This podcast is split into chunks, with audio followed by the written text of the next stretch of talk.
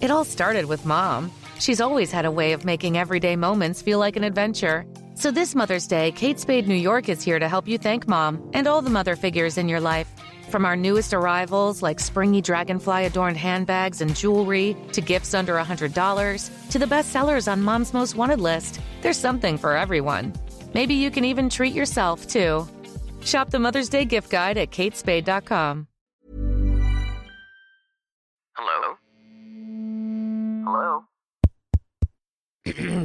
Podcast Network Asia. Hai, sekarang Stoikes ID sudah didukung oleh Podcast Network Asia.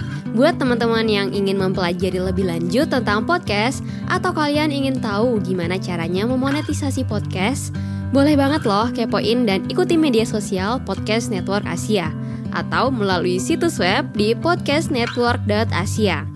Dan untuk mempermudah proses monetisasi, daftarkan podcast kalian di podmetrics.co secara gratis.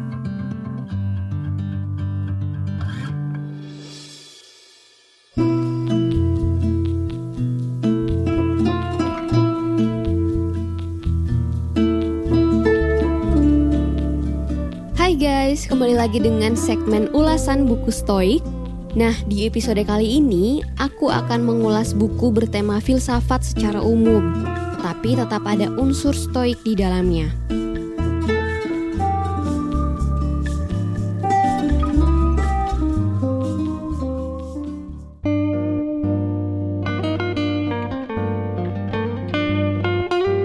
Selain bertemakan filsafat, buku ini juga mengangkat kebahagiaan sebagai topik utamanya.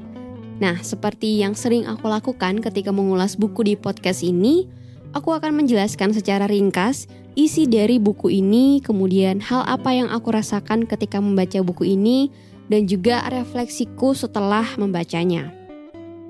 Jadi, sebelum kita mulai bahas, jika teman-teman merasa podcast ini bermanfaat, jangan lupa kasih rating untuk Stoikas ID dan share podcast ini ke teman-teman kamu ya, agar Stoikas ID bisa menjangkau lebih banyak pendengar yang ingin mempelajari tentang stoikisme.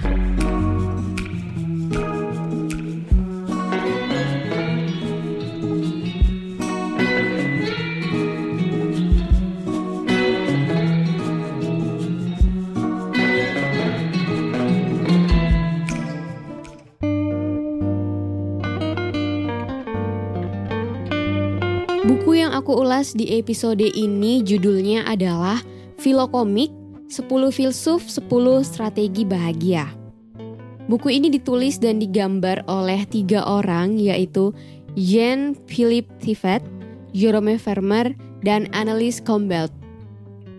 Buku yang memiliki 177 halaman ini sudah diterjemahkan ke bahasa Indonesia oleh Asetyo Wibowo atau biasa disapa Romo Setio yang merupakan penulis dari buku Ataraksia, Bahagia Menurut Stoikisme, yang mana buku ini tuh juga sudah pernah aku ulas di episode 20 Stoikes ID. Kalau teman-teman belum mendengarkan ulasan buku dari Romo Setio ini, boleh dengerin episode 20 Stoikes ID ya setelah mendengarkan episode ini. Dari judulnya saja sebenarnya kita sudah tahu ya isi buku ini tuh berfokus tentang membahas strategi bahagia dari 10 filsuf yang berbeda. Nah, 10 filsuf ini tuh ada siapa aja? Jadi 10 filsuf ini tuh ada Platon, ada Epicurus, Seneca, Montaigne, Descartes, Pascal, Kant, Bentham, Schopenhauer, dan Nietzsche. Buku filokomik ini menurutku cukup unik ya dan berbeda dari buku filsafat lainnya. Karena penjelasan tentang definisi dan strategi para filsuf untuk meraih kebahagiaan itu diilustrasikan dengan gambar yang sangat menarik dan disertai dengan contoh sederhana yang sering kita alami dan lihat di kehidupan sehari-hari. Seperti halnya kita yang mendefinisikan kebahagiaan secara berbeda, para filsuf ini tuh juga memiliki definisi dan strateginya masing-masing dalam mencapai kebahagiaan menurut mereka. Contohnya Seneca, salah satu filsuf stoik yang memiliki program kebahagiaan di mana orang harus mau dan berani menerima apa-apa yang tidak tergantung padanya, sehingga jalan terbaik untuk bahagia menurut Seneca adalah dengan memiliki kontrol atas hidupnya sendiri. Lain lagi dengan program kebahagiaan dari René Descartes, filsuf Prancis ini menganggap hal yang membuatnya bahagia adalah ketika semua potensi dalam dirinya dapat teraktualisasi dengan mengenal diri sendiri. Dalam filokomik, kita tidak akan menemukan teori atau pemikiran dasar para filsuf. Tetapi meskipun begitu, melalui ilustrasi dan penjelasan ringkas setiap ajaran dalam meraih kebahagiaan dari para filsuf ini, kita masih dapat memahaminya dengan baik. Dengan kata lain, buku ini cocok dibaca untuk teman-teman yang baru ingin memulai membaca buku bertema filsafat. Karena selain topik yang diangkat cukup umum dan populer yaitu kebahagiaan, ilustrasi yang ada di buku ini tuh juga sangat membantu pembaca dalam memvisualisasikan strategi kebahagiaan menurut 10 filsuf ini. Oh iya, untuk versi terjemahan bahasa Indonesia dari buku Filokomik ini, menurutku tuh juga meski menggunakan gaya bahasa yang kasual, penuh humor, namun tata bahasanya tuh sangat baik dan konteks percakapannya itu juga disesuaikan dengan konteks percakapan orang Indonesia secara umum. Oleh sebab itu, dapat dikatakan bahwa hal ini tuh merupakan kelebihan dari buku Filokomik. Jadi karena terjemahannya sangat nyaman dibaca gitu ya dan humor-humor yang diselipkan tuh juga kita bisa paham. Jadi nggak yang keluar konteks gitu. Karena kan kadang ada yang terjemahin buku luar negeri tuh kayak ini maksudnya apa sih candaannya? gitu kan. Tapi kalau di buku filokomik ini tuh beda dari uh, buku filsafat yang lain gitu. Dan aku cukup senang gitu ketika membaca buku ini saat aku membaca komik itu, aku secara tidak sengaja tuh juga menemukan kebahagiaanku sendiri teman-teman.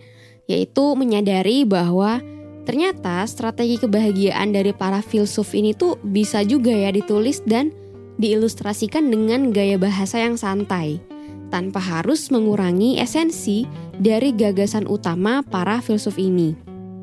Tak jarang juga aku tuh berefleksi ketika strategi bahagia dari satu filsuf tuh selesai aku baca gitu. Jadi kadang setelah uh, satu filsuf dijabarkan semuanya gitu ya dalam satu cerita dan dengan ilustrasi yang ada, kadang aku juga ikut uh, berkontemplasi juga dan melakukan refleksi gitu. Oh iya ya, berarti kebahagiaannya tuh seperti ini.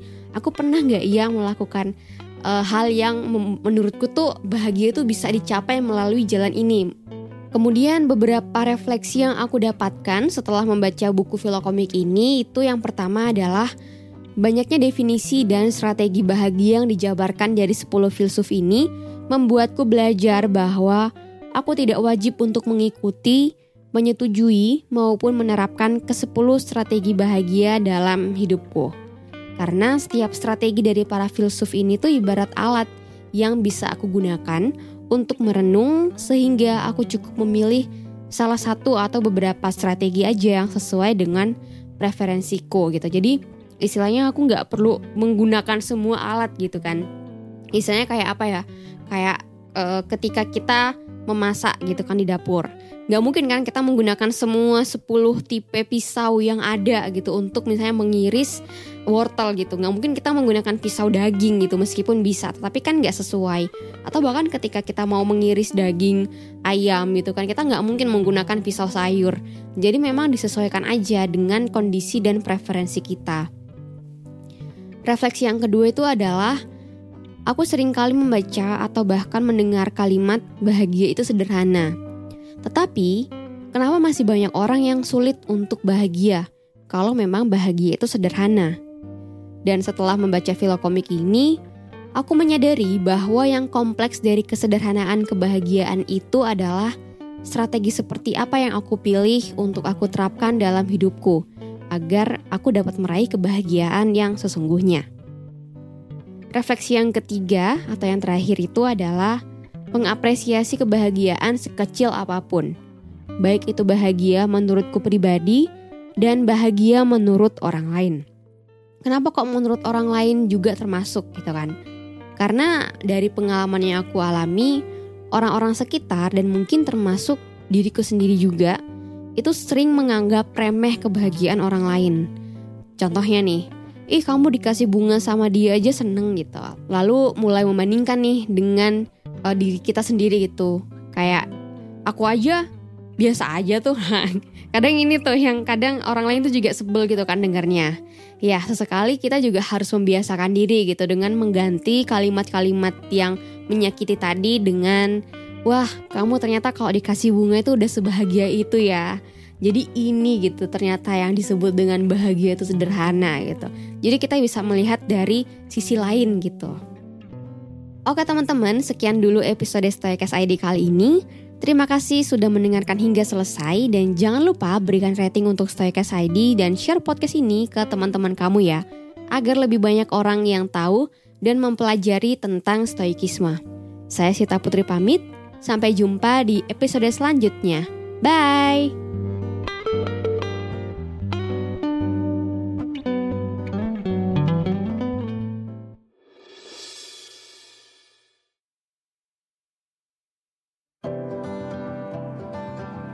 Pandangan dan opini yang disampaikan oleh kreator podcast, host, dan tamu tidak mencerminkan kebijakan resmi dan bagian dari podcast Network Asia. Setiap konten yang disampaikan mereka di dalam podcast adalah opini mereka sendiri dan tidak bermaksud untuk merugikan agama, grup etnik, perkumpulan, organisasi, perusahaan, perorangan, atau siapa pun dan apa pun.